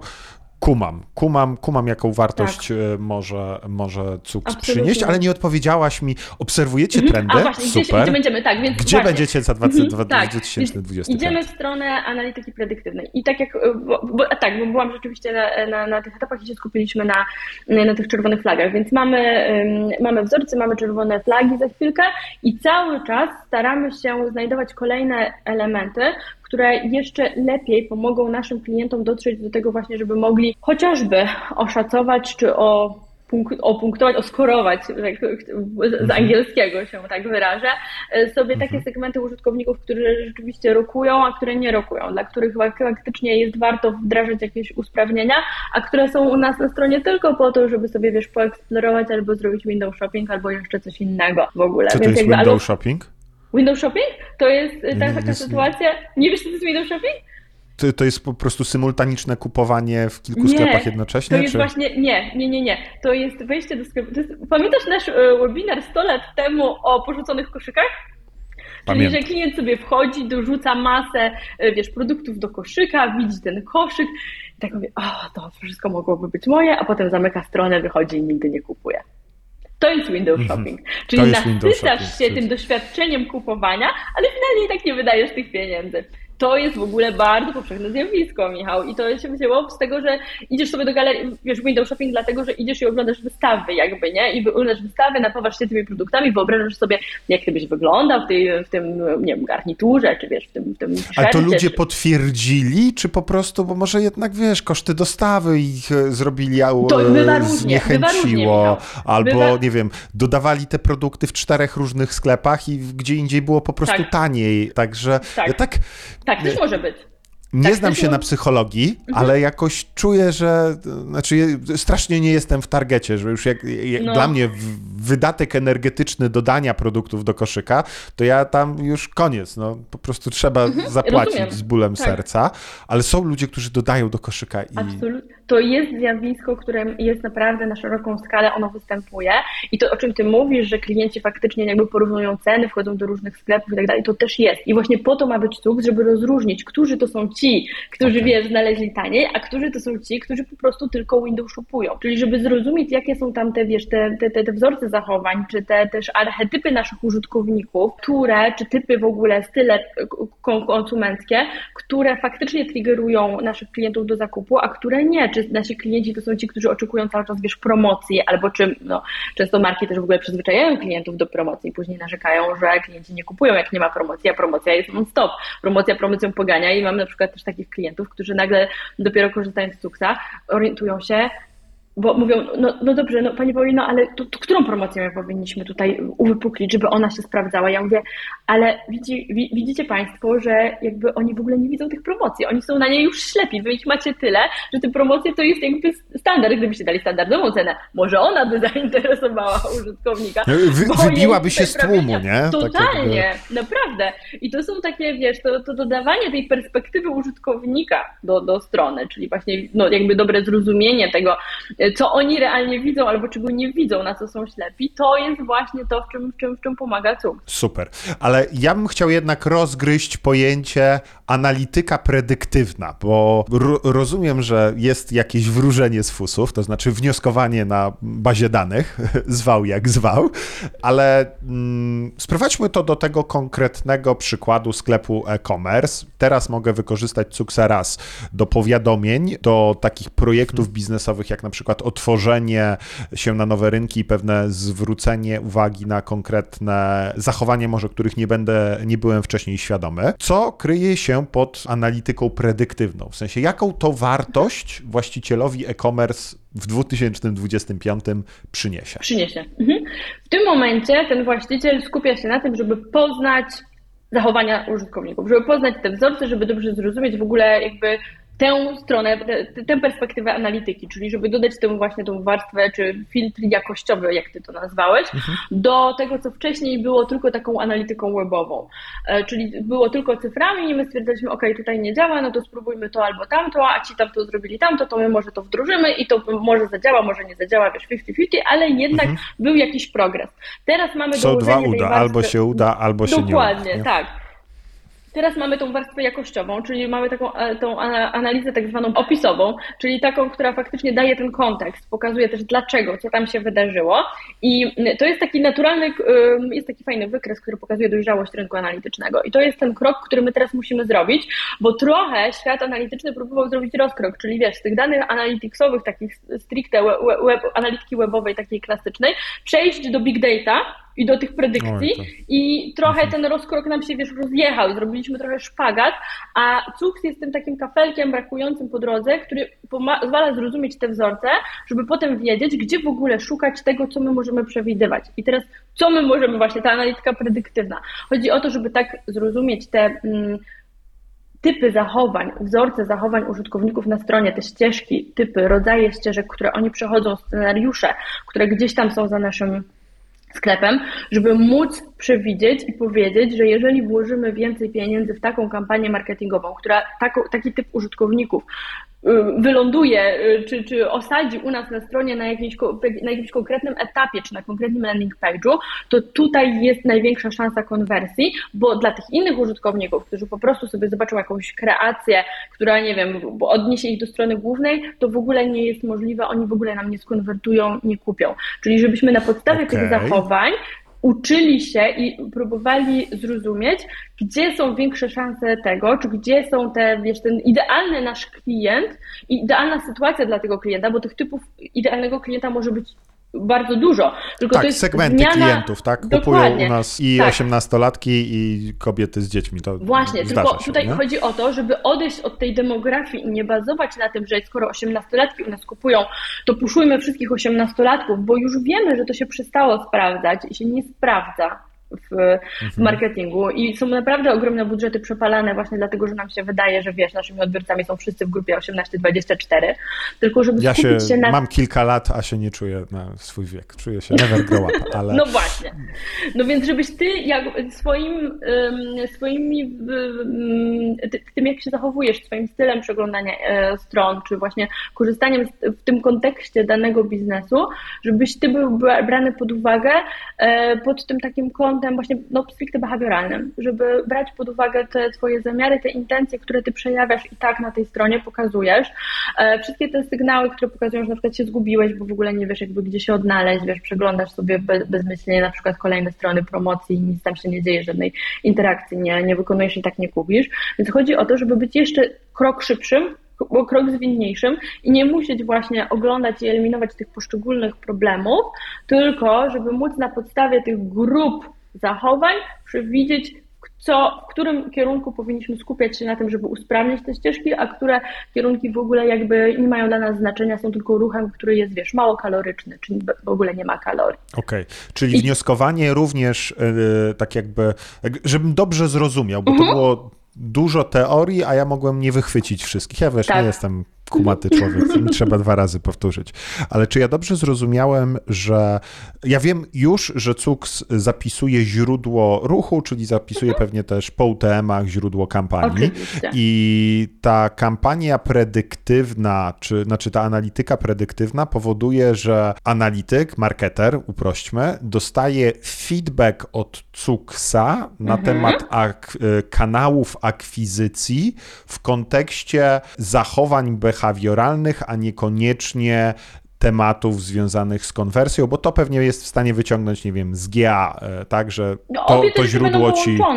Obie te okay. rzeczy są połączone. Chodzi o te zachowania, które prowadzą do konwersji. Chodzi o to, żeby ten okay. marketer dostał informację, gdzie on ma wzmocnić mm, nakłady finansowe, czy gdzie ma puszczać więcej komunikacji, czy jak albo jak też w ogóle zmienić te komunikacje, które komunikaty działają, a które nie działają, czy które okay. zestawy zachowań użytkowników my chcemy wywołać, jak inaczej przemodelować tą ścieżkę, bo wiesz, często jest też tak, że wychodzą e, na rynek produkty, które mają jakąś określoną ścieżkę, a potem klienci wchodzą do dojścia do, do, do, do celu, nie? Czyli na przykład my sobie założyliśmy, że nasi klienci na naszej stronie, e, nie wiem, no tutaj e-commerce jest akurat takim bardzo zbyt chyba wyświechtanym, więc weźmy sobie powiedzmy stronę sprzedającą nie wiem, szkolenia. O, dajmy mhm. na to szkolenia. I zakładamy sobie, że nasz użytkownik, żeby kupić takie szkolenie, to wejdzie na naszą stronę główną, potem przejdzie do naszego portfolio, przeczyta opinię użytkowników i finalnie dochodzi do, do, do, do zakupu i kupuje, no właśnie, lub, lub nie kupuje. Mhm. No i teraz, jeżeli my sobie zakładamy taką ścieżkę i nagle wchodzi do nas użytkownik, który wcześniej widział już reklamę albo recenzję kogoś, kto był na naszych warsztatach i nie przychodzi całej tej ścieżki, tylko na przykład sprawdza sobie, nie wiem, e, opinię, w ogóle nie wchodzi na stronę główną, bo nas jeszcze gdzieś tam wyszukał, to my tego w ogóle nie łapiemy często, bo my w ogóle się na tym nie skupiamy, bo sobie myślimy, no to ale to nie jest taka idealna ścieżka i w ogóle nagle jest, są szeroko otwarte oczy, jak oni kupują, jak w ogóle nie przeszli tej ścieżki, albo na przykład mhm. nie kupują, bo pewnych rzeczy nie zobaczyli, bo właśnie zabrakło tego elementu, wiesz, komunikacji marketingowej wcześniej, która okazuje się na przykład istotniejsza dla nas, bo skupiamy się na tym, żeby na przykład optymalizować ten formularz, no bo skoro nie kupują, no to przecież na pewno w formularzu jest za dużo pól i wiesz, i tam próbujemy zrobić usprawnienia, kuma, a to wcale kuma. nie o to Analityka chodzi. całej, całej wizyty, czy całej, całej wizyty, sesji, całej ścieżki, nie... całej tej ścieżki dotarcia klienta. I też zobacz, no bo ja my mówimy o, ja mówię o jednej ścieżce, ale jak masz taki e-commerce, to tych ścieżek może być po prostu milion, bo mogą być klienci, którzy przychodzą z kampanii produktowej, zaczynają od produktu i są skoncentrowani na tym produkcie. Mogą być tacy, którzy porównują właśnie w różnych sklepach i zdecydowali się wejść na stronę produktową, bo szukają konkretnego produktu i chcą go kupić. Mogą być tacy, którzy po prostu usłyszeli o naszej marce i chcą zobaczyć, jaki mamy asortyment. Są tacy, którzy dopiero robią research. Tych ścieżek jest masę i jakbyśmy, my w analityce próbujemy zanalizować wszystko, Którzy to są ci, którzy będą kupować? Nie da się tak. Po prostu się nie da, bo tych wątków jest tyle, że zazwyczaj y, my polegamy na tym e, etapie, kiedy my próbujemy w ogóle zorientować się, które dane są potrzebne. I dlatego my okay. w się postanowiliśmy odwrócić to wszystko, żeby pokazać ci, dobra, okej, okay, jakby spokojnie, masz kwestię kupienia, y, no właśnie zakupu. Zobaczmy, co tam się w ogóle dzieje, jakie ścieżki są możliwe. To jest pierwsza rzecz. Druga rzecz, zobaczmy, jakie mogą być problemy na tych ścieżkach. Trzecia rzecz, zobaczmy, jakie mogą być te segmenty klientów. Czwarta rzecz, zobaczmy, jak to się ma do kampanii marketingowych. Czy są jakieś, które performują ci lepiej, czy są takie, które można by na przykład, um, które mogą wywoływać inne zachowania, czy na przykład właśnie chociażby, wiesz, lądować użytkownika na innej stronie niż w tym momencie, mhm. bo skoro on i tak częściej kupuje, korzystając, nie wiem, na przykład z nie wiem, kategorii jakiejś konkretnej, to posadź go na tej kategorii, niech on sobie wybierze ten swój produkt, czy odfiltruj mu, wiesz, daj mu ten marketing kontekstowy, odfiltruj mu kategorię do, nie wiem, 100, 200, 500 zł, a nie, y, nie puszuj go do tego, żeby zobaczył konkretny produkt, który go nie interesuje, a on się czuje zagubiony, bo my nie masz tak rozbudowane, że właściwie to nie wie, jak dojść do tej kategorii, która, Mhm. która cię interesuje. Wchodzi, jest nie? prze, przerażony Tak. interfejsem i, Więc, i u- tak, ucieka. ten temat jest bardzo kompleksowy i ja bym bardzo chciała, żeby ludzie właśnie bardzo e, zawężali sobie te pola wyszukiwań. Bardzo byśmy chcieli właśnie naszym, wiesz, naszym interfejsem i naszym narzędziem to umożliwiać i a w dalszej perspektywie jeszcze raz odpowiadając Ci, móc przewidywać, gdzie warto faktycznie umacniać te nasze produkty, a gdzie na czym się w ogóle nie skupiać, nie? Bo fajnie, że jest UX, że się dużo o nim mówi, że ludzie wiedzą, że mają świadomość, żeby usprawniać te, te rzeczy, tylko później wiesz, gdzie to utyka najczęściej w developmencie, bo deweloperzy nie mają czasu, żeby wdrażać te wszystkie rozwiązania, a my jakby im je rekomendujemy, mimo że nie mamy pojęcia, jak to się przełoży na tę konkretną ścieżkę zakupową, tylko wiesz, to jest taka bardzo long-termowa inwestycja, na którą no, w czasach obecnych, kryzysowych, ja nie wiem, kto może sobie pozwolić, tak szczerze ci powiem. Znaczy, to też jest ważne. Programiści swoje kosztują, także to, To jest, to jest jeszcze kwestia. Wni- Wnioski Tak. UX-owe Tak. są bardzo cenne. Y, Ilość y, raportów UX, Tak. które przełożyły się faktycznym wdrożeniem wszystkich wniosków, nie sądzę, że wynosi 100%. No właśnie. No Dobrze. właśnie. Bardzo miło mi się e, Ciebie słucha pod kątem tej analityki internetowej, bo, bo mądre rzeczy, Paulino, e, poopowiadasz. Ale ja bym chciał teraz e, troszeczkę pogadać o Twojej układance Mhm. marketingowo-technologicznej, bo mm, Wy jesteście SaaS-em. e, Tak. Który ma i dział marketingu, i dział wsparcia Tak. klienta, i, panią prezes, ponieważ z mojej wiedzy kierujecie swoje produkty do głównie korporacji, czy, czy, czy, czy w, w części do korporacji. może, mm, może tak to ujmę? Bardzo mocno się to w ostatnim roku właśnie, wiesz, zmieniła nam to proporcja i to są głównie korporacje, Głównie i du- korporacje. duże, ewentualnie średnie firmy. Okej, to, y, bo kiedyś jeszcze, wiesz, y, pamiętam Cux jako taki SaaS, który Tak. tam nisk, niska bariera wejścia, Dokładnie. podepnij kartę i sobie, sobie Tak. śmigaj. My jesteśmy y, lepsi, bo Hotjar nie ma waterfali, waterfali a my mamy. Tak, nie? tak ale było, to, tak było, to było. było wiele lat temu. Mogę ci się Tak. też podzielić tym, jak ja e, rozmawiałem, nie wiem czy z tobą, czy z twoim mężem, ale mi się tak zapaliła e, lampka, gdzie czym będzie Cux e, za kilka lat. Ja stwierdziłem, że jeżeli wy zbieracie nagrania, ale zbieracie to tak sensownie, nie w formacie plików MP4, czyli Tak. wideo, a zapamiętanie wektorów różnego rodzaju rzeczy. I twój małżonek ma, nazwijmy to, twój mąż, nie małżonek, chyba, chyba Mąż, że to małżonek, tak, to tak mąż, to małżonek. ma e, zacięcie technologiczne, w sensie rozumie, że Mhm. AI to jest w PowerPoincie, a machine learning w Pythonie albo innym języku, to stwierdziłem, że ok, wy będziecie na wielu, wielu stronach, e, wszystko sprowadzacie do danych takich ruchów myszką, wektorów z zapamiętanym obrazkiem. Cuk za kilka lat będzie w stanie zrobić, uruchomiłeś swój projekt, nie chce ci się zbierać kasy na, czy zbierać czasu na dane, mm, zebranie tych danych do, do analityki, do, nie wiem, heatmap, to ja będę to wrzucać do Cuxa i będę dostawać info, heatmapa będzie wyglądać tak, przy takim layoutie, a problemy mogą pojawić się na tej stronie, że ja nie wiem, wpuszczam jakiegoś takiego brota, bota, który wykonuje 4-5 kluczowych ścieżek i ja dostaję taki feedback, który normalnie musiałbym czekać, nie wiem, wiele, Długo. wiele Tak, e, tak, tak, tak. długo, nie? Także, ale rozumiem, że to nie do końca w tą stronę idzie, bardziej jednak ten element jakościowej analizy eksperckiej jest, jest mocniejszy. No bo, bo, wiesz, bo zobacz, bo to, o czym ty powiedziałeś, to e, ty sobie wyobrażałeś Cuxa jak taki zdigitalizowany audyt UX. Że No, w dużym uproszczeniu, tak. Takie No, hitmapy, dużym- tylko że takie- z, auto, no, z automatu. Tak, no ale właśnie, no i zobacz, no i co z tego, że ty byś dostawała informację, że problem może pojawić się na tej stronie, jak może ta strona to jest kuźwa regulamin, na który, wiesz, wchodzi ci procent użytkowników, no i co z tego, że tam będą problemy, jak jakby ci kogo to nie interesuje generalnie. Więc to temat jest dużo bardziej kompleksowy i dużo bardziej skomplikowany i rzeczywiście stawiamy na taką wielowymiarowość tej, tej analizy.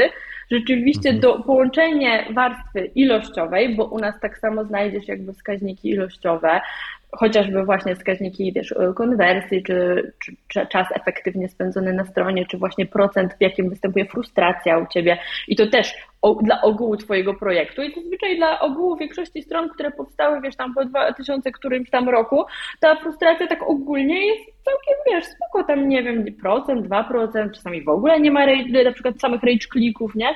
Bywa tak cała zabawa się zaczyna, jak ustawisz ten swój cel biznesowy i nagle się okazuje, mhm. że jednak okej, okay, frustracji nie ma, ale na tej konkretnej ścieżce, to tam to się dzieją po prostu sceny dantejskie, nie? Bo klienci w ogóle okay. nie wiedzą, co oni mają wybrać, nie?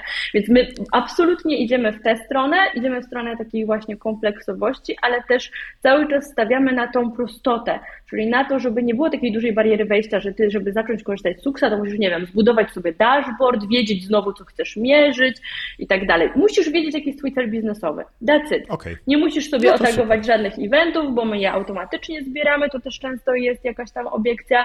I finalnie chodzi o to, żebyś ty dostał te wszystkie insighty, które pomogą ci jak to pięknie nasz e, klient e, ostatni, który może się kompletnie nie kojarzyć z perspektywą klienta i może się kojarzyć wiesz, ze skostniałą organizacją, a absolutnie muszę obalić ten mit, to już nie jest ta sama organizacja, mam na myśli tutaj PZU, czyli największego polskiego ubezpieczyciela. E, oni to pięknie podsumowali, że CUKS umożliwia im dodanie tej perspektywy użytkownika do ich strony.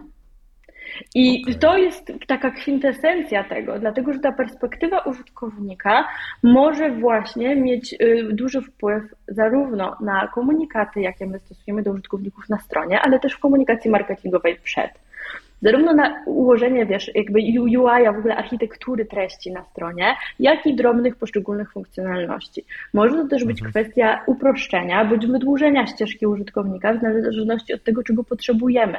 I jak sobie tak pomyślisz, wiesz, jak masz tego Analyticsa, czy tam Hotjara, który gdzieś tam punktowo coś ci mierzy, tutaj Analytics też pokazuje ci na przykład głównie dane marketingowe, to tak finalnie połączyć to wszystko to jest strasznie trudne. I dlatego mhm. my wchodzimy w tą ścieżkę, żeby właśnie ta perspektywa użytkownika na Twojej stronie się mogła pojawić, bo mamy pewne założenia, bo znamy dobre praktyki najczęściej mm, i, wiemy, jak mają być skonstruowane strony i też wydaje nam się, że o, klienci tego na pewno nie widzą, bo ja też już tego nie widzę. Później może się okazać, że jest zgoła inaczej, nie? I to jest super no jest, jeszcze, jest, jest jeszcze bardzo fajnie, że takie organizacje chcą rozumieć e, użytkowników po drugiej stronie, bo jeżeli pozostawimy, e, zostaniemy na łasce tylko optymalizujmy pod konwersję, to na każdej stronie wejdziemy i jeden duży czerwony przycisk, tak zajmujący Dokładnie. 60, płać, nie? To, to, to, o, to, o, to, o to chodzi yy, no. zasadniczo w e-commerce. Tak. Paulino, super. Chciałbym się podpytać ciebie, bo wy jako ta firma mhm. pracująca z większymi organizacjami, mhm. do komunikacji z waszymi klientami korzystacie pewnie, wiesz, przez konsultantów, przez handlowców, tak. głównie ze swojego maila, ale tak. E, pracujecie na CRM-ie HubSpotowym. Natomiast tak. jak się przygotowywałem do tej rozmowy, to zobaczyłem, że tam jakiś Active ja. Campaign się pojawił, Get Piękny Response research. się poter... No mhm. wiesz, ja się przygotowuję do rozmowy. Szanuję swoich e, gości, aby wiedział Naprawdę... o czym... Naprawdę, e, jakby muszę tutaj powiedzieć słowo komplementu w swoją stronę, bo naprawdę byłam pod wrażeniem Twojego przygotowania. To nie jest standard. Jak wiesz, w wielu podcastach się pojawiam i to nie jest standard. Na początku pisałem same taką listę pytań, nie? Mhm. Ale to było złe, bo nie było tego elementu, że my rozmawiamy tu i teraz tak. i się tak. skupiamy tak. na tym, mhm. o czym chcemy po, porozmawiać. A wydaje mi się, jeszcze nie umiem prowadzić wywiadów, uczę się tego, słucham dużo wywiadów, nawet jakąś książkę popełniłem, żeby, żeby się nauczyć lepiej, ale spokojnie, nie od razu Rzym zbudowano, ja to robię dopiero od dwóch miesięcy. Powiedz mi o tym, mhm z czego korzystacie? Jaki jest y, stack marketingowo-technologiczny mhm. Cuksa obecnie? Tak. A później zadam kolejne pytanie. Także jak, jak wygląda wasz y, obecny stack? No to słuchaj, y, w ogóle jeśli chodzi o nasz obecny stack, ten HubSpot rzeczywiście jest, on był chyba od samego początku i on cały czas jest i jest takim narzędziem, które, które nam towarzyszy. Nie udało nam się znaleźć nic lepszego, co pomogłoby nam na pewną elastyczność też, którą, na którą my bardzo mocno stawiamy. Bo mhm. właśnie to, że ja Ci powiem, jaki my mamy stack teraz, to nie znaczy, że on będzie taki sam na przykład za miesiąc czy za trzy miesiące, bo jesteśmy jeszcze na takim etapie rozwoju narzędzia, i w ogóle biznesu, że my bardzo dużo eksperymentujemy, bardzo dużo. Mhm. Stąd te, te różne narzędzia, które się pojawiają. Active Campaign tylko testowaliśmy, nie, nie, nie, nie wdrażaliśmy go, go nigdy. Um, korzystamy obecnie z A, Gatsby a co chcieliście o- osiągnąć? Tak, tak złapię się tego Active Campaigna. Co Tak. chcieliście osiągnąć przez to narzędzie? Chcieliśmy, wiesz co, y, myśmy się tam, y, y, Active Campaign to był pomysł, żeby mm, zwinniej podejść do automatyzacji naszej komunikacji takiej onboardingowej i komunikacji takiej produktowo-newsletterowej. Natomiast finalnie e, u nas po, po długim researchu wygrał GetResponse, e, z którą rzeczywiście e, współpracowaliśmy też tak, w ogóle znaliśmy się, wiesz, jako firmy, które gdzieś tam ze sobą jakieś projekty robiły, a finalnie zdecydowaliśmy się faktycznie na komercyjną współpracę z nimi, e, dlatego że w tych ramach tego, czego my potrzebujemy, najlepiej pozwala nam właśnie opracować te schematy komunikacji takiej właśnie ma- mailowej, automa- automatycznej, czyli właśnie onboarding w narzędziu naszym, onboarding no, cały wieloetapowy, bo, bo jest to, jak pewnie doskonale zdajesz sobie sprawę, kompleksowy proces, mm, komunikacja newsletterowa, komunikacja produktowa, e, tak, to wszystko tutaj mamy. Okej, W czyli taka kom- Tak, HubSpot jest cykl, onboardingowy, jakoś, jakoś weryfikuje, znaczy tak jakby rozróżniacie ten cykl onboardingowy Jezu, w zależności od zaangażowania w narzędzie? Bardzo. To, Bardzo Okej. rozróżniamy, to są te, wiesz, to są te nasze, to, to, na, na, w ogóle bazą do tego, co się u nas dzieje, jest taki lejek y, marketingowo-sprzedażowy, bo nie da się tego o, odróżnić. Mamy cały taki lejek zdefiniowany, ścieżka pain pointy, te miejsca, które są faktycznie newralgiczne u nas dla użytkowników i to jest nasz punkt wyjścia, zarówno do tworzenia strategii komunikacji takiej, wiesz, kontentowej, na której przede wszystkim się opieramy, Mhm. przepraszam, centrum, centrum Lizbony, tutaj dźwięki różne, nie wiem, czy to słychać, ale tak, więc to jest, y, to, to, jest właśnie ta nasza strategia też y, taka marketingowa. To jest właśnie też cała strategia onboardingowa, bo tutaj rzeczywiście mocno się skupiamy na tym, na jakim etapie teraz w ogóle świadomości naszej marki jest klient, bo to, że on się, wiesz, zarejestrował na triala, to jeszcze kompletnie o niczym nie świadczy, bo za chwilę mamy barierę ogromną, którą jest integracja kodu i jeżeli klient nie zintegrował kodu, to znaczy, że wcale jakby ten, ta rejestracja na triala nie była intencjonalna, no bo jakby to jest dość oczywiste, że dla tego typu narzędzi jak nasze trzeba ten kod zintegrować albo nie jest gotowy.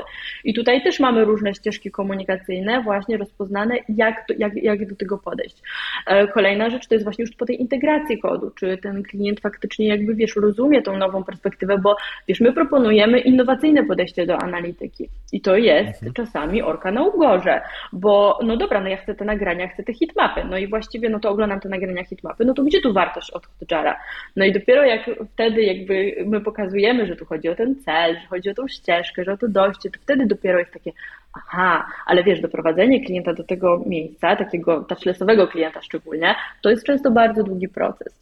Dlatego też my bardzo lubimy pracować z dużymi korporacjami, bo tam też sporo jest tych naszych usług i konsultingu takiego, gdzie my jesteśmy w stanie, wiesz, całą tą taką, no wesprzeć firmę w, po prostu w procesie transformacyjnym, bo tego nie da się inaczej ująć. To brzmi bardzo tak, wiesz, górnolotnie z jednej strony, ale z drugiej strony nie jest wcale takie górnolotne, bo y, faktycznie pomaga na, na wdrożenie pewnej innowacji, innowacyjnego myślenia w ogóle o analityce. No, więc to y, właśnie, no widzisz, tutaj bardzo, bardzo jest ten, y, ten proces wieloetapowy. Ale super, super. No. Wiesz co, ja mam takie pytanie pod kątem tej góry, góry lejka, bo powiedziałaś, że inwestujecie mocno Mhm. w content marketing i to są te rzeczy, czy, czy to jest głównie blogi, czy, czy jakieś lead magnety typu landing page z e-bookami, poradnikami, czy, czy, czy to może na, inaczej to sobie konstruujecie, że na początek to trzeba pójść na warsztat do Pauliny, zrozumie się, jakie to jest kurde trudne i dla- do czego te narzędzia służą i później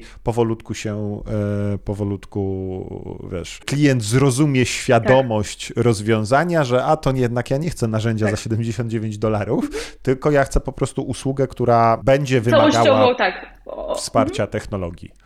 Słuchaj, no więc my, tak jak Ci powiedziałam, eksperymentujemy, więc tych ścieżek jest kilka. Są to blogi, są to, y, są to moje warsztaty również.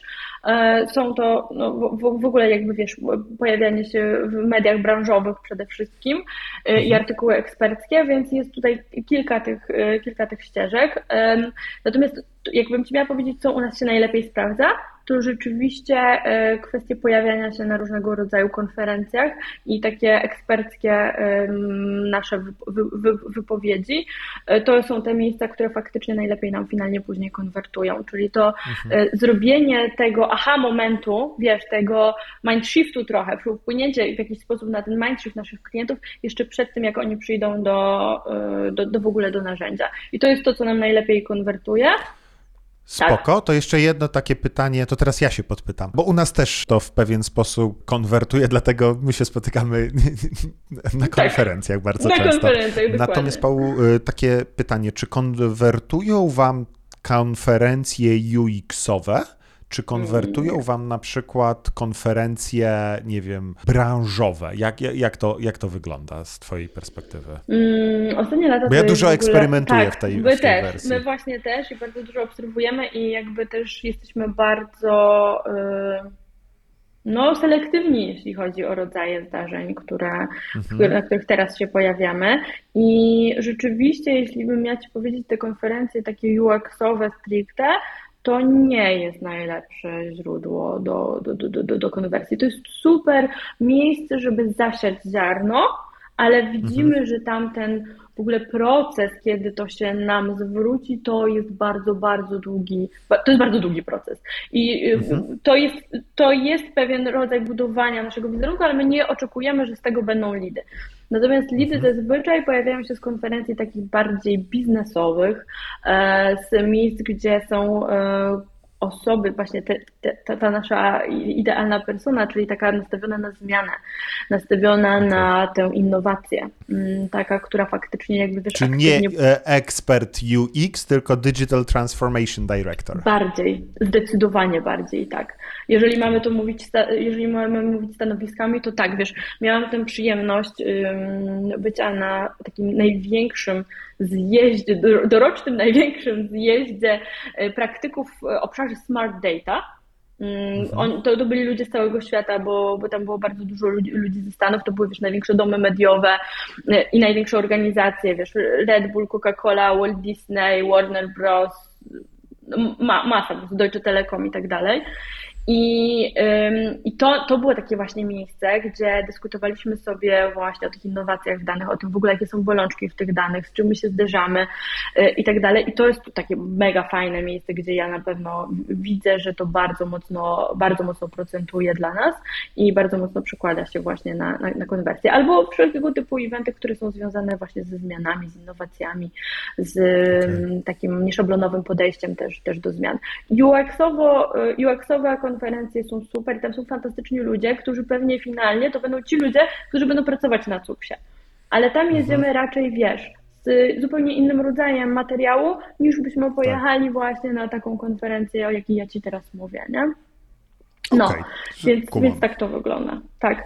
Więc, Dobra, czyli tak, Get no. W GetResponsie sobie ustawiliście komunikację mailingową, onboardingową, tam prowadzicie też tą komunikację produktową, Tak. Dokładnie. newsletterową, pewnie jakiś tam content się pojawia. Dokładnie. Spoko.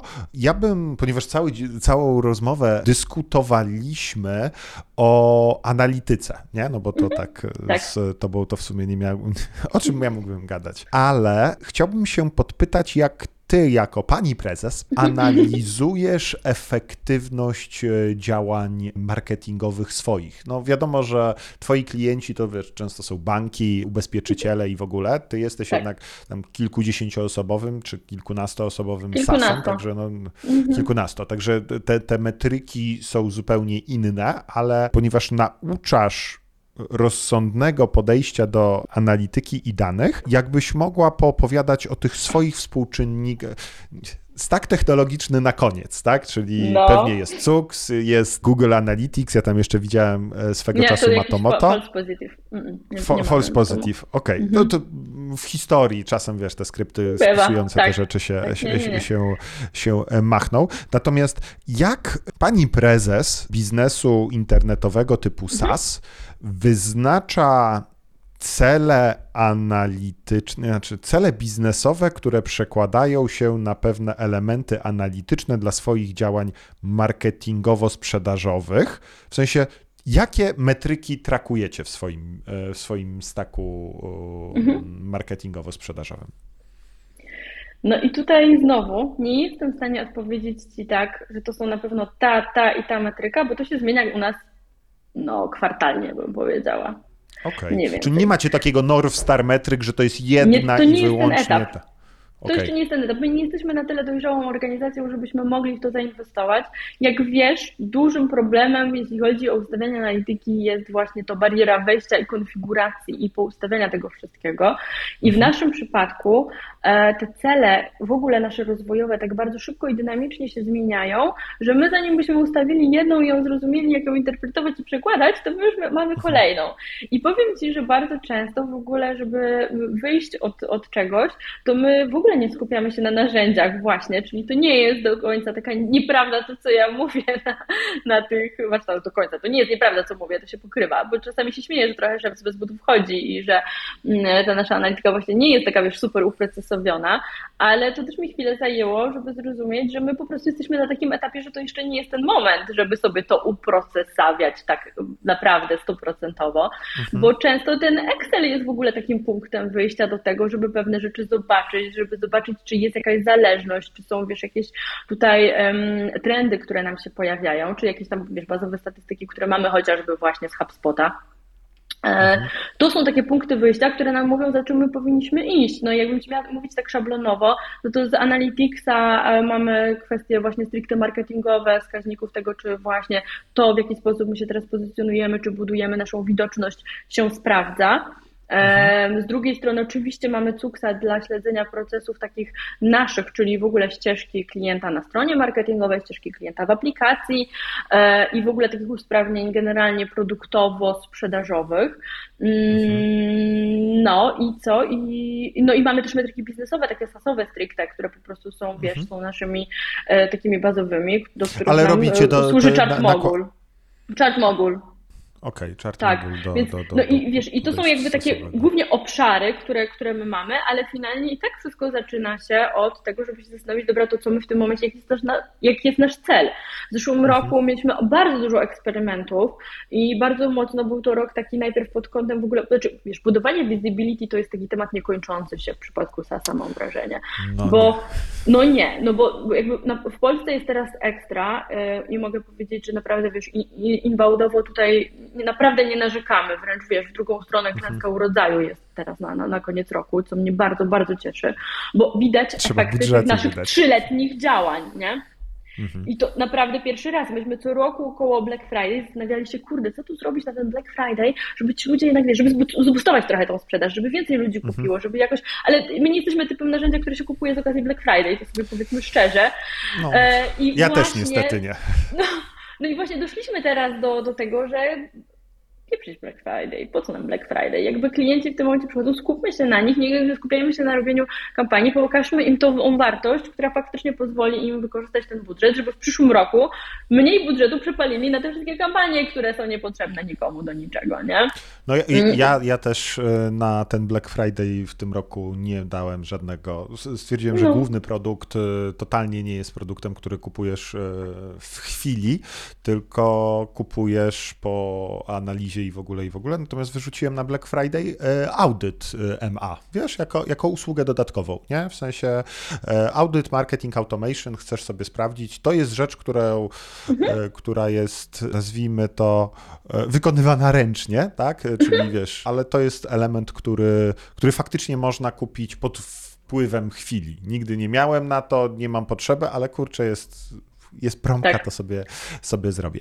A Paulino, to, bo... ja jeszcze ci tylko nawiążę, bo Tak. na przykład nasze audyty, to myślę, że to jest ważne, tak autopromocyjnie, ale my audytów nie dajemy na Black Friday z takiego względu, że nasza współpraca z nami w kontekście właśnie takim konsultingowym i audytowym to są w tym momencie nasze udokumentowane case studies, to jest kilkaset tysięcy złotych zysku lub oszczędności dla firm perspektywie. Mhm. Więc ja nie mogę tego sprzedać na Black Friday po prostu, bo ta wartość, którą my dajemy, ona, wiesz, taką wartość audytu kilkusetkrotnie czasami nawet przebija.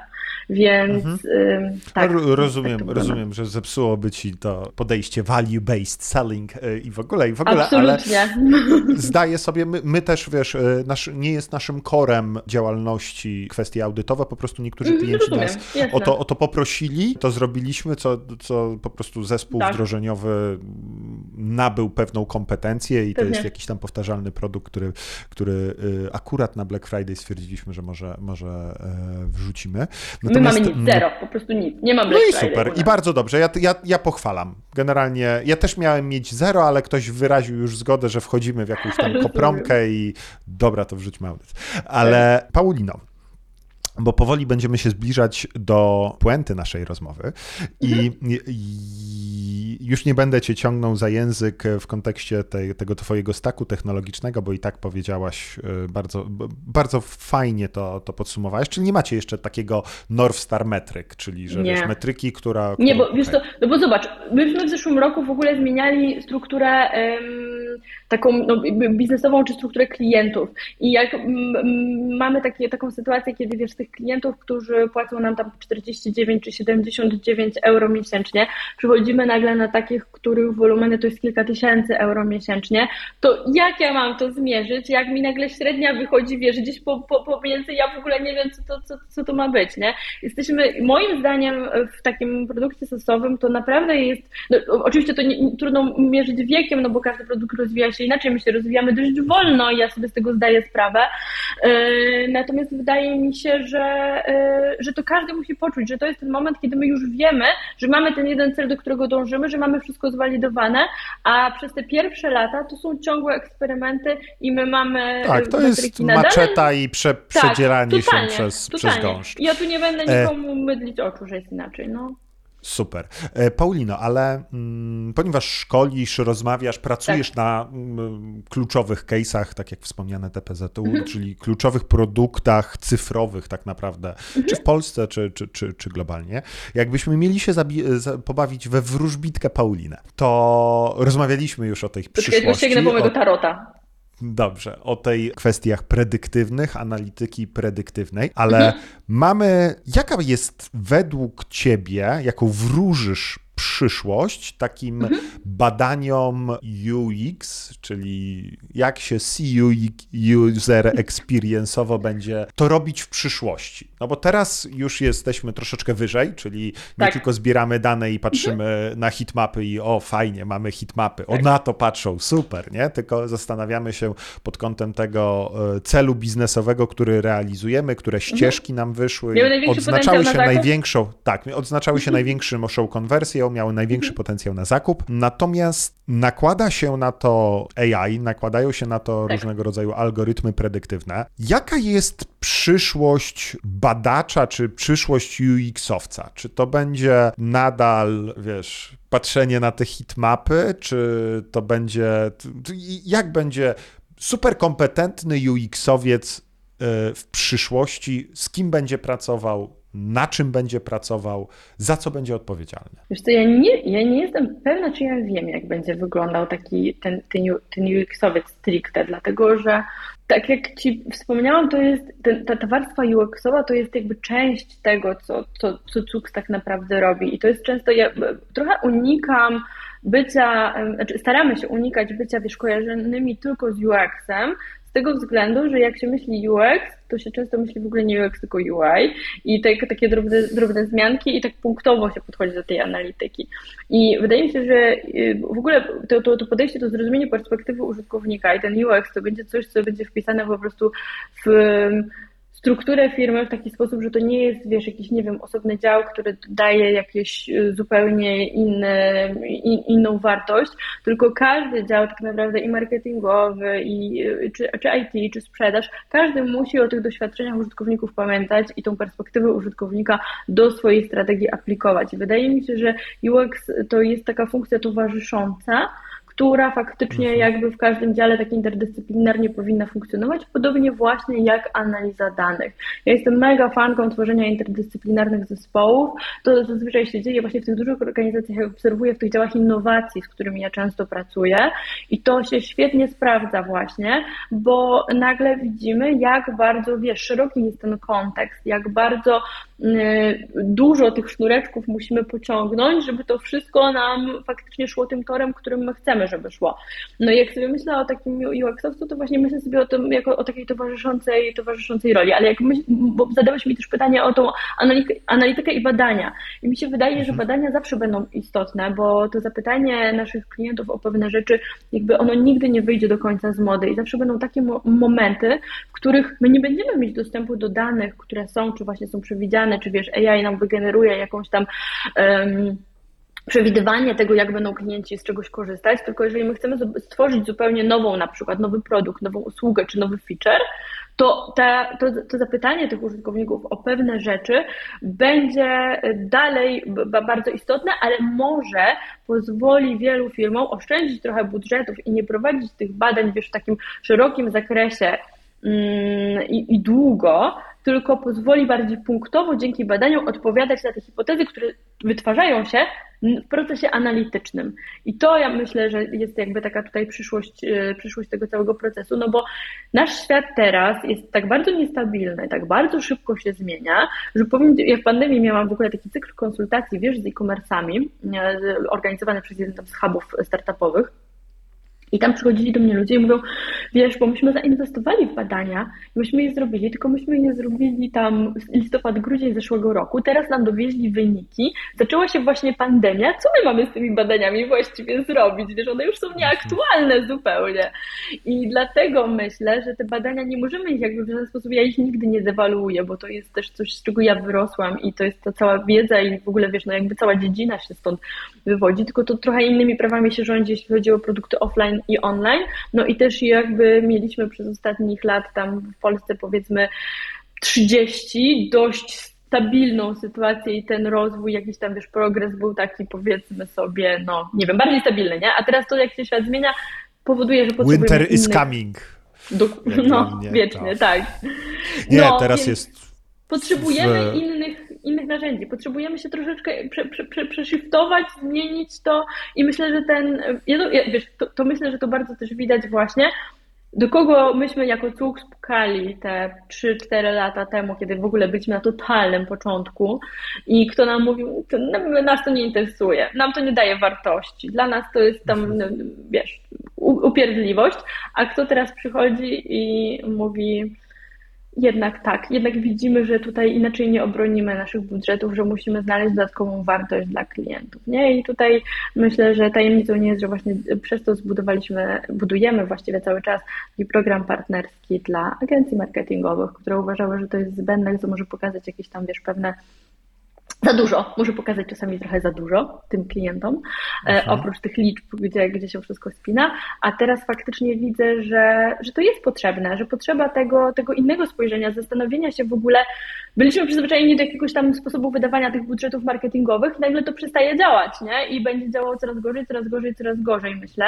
I musimy znaleźć nowe sposoby. Jak je znaleźć? No musimy poobserwować, co się teraz dzieje. Jako, że dzieje się i zmienia się szybko, no to musimy też szybko obserwować, więc no badań robić mhm. nie będziemy, tak jak kiedyś mieliśmy tę, tę rzecz, tylko możemy faktycznie je tak wykorzystać właśnie punktowo, żeby sobie doodpowiedzieć na pewne hipotezy, na które już dane takie analityczne nam nie, nie są w stanie odpowiedzieć. Ja to tak Strasz, widzę. Super. Strasznie, strasznie ta wizja e, UX-a jako nieoddzielnego departamentu i analityka jako nieoddzielnej osoby, która tam ma wyliczyć i przysłać e, mhm. ładne wykresiki na PowerPointa, tak.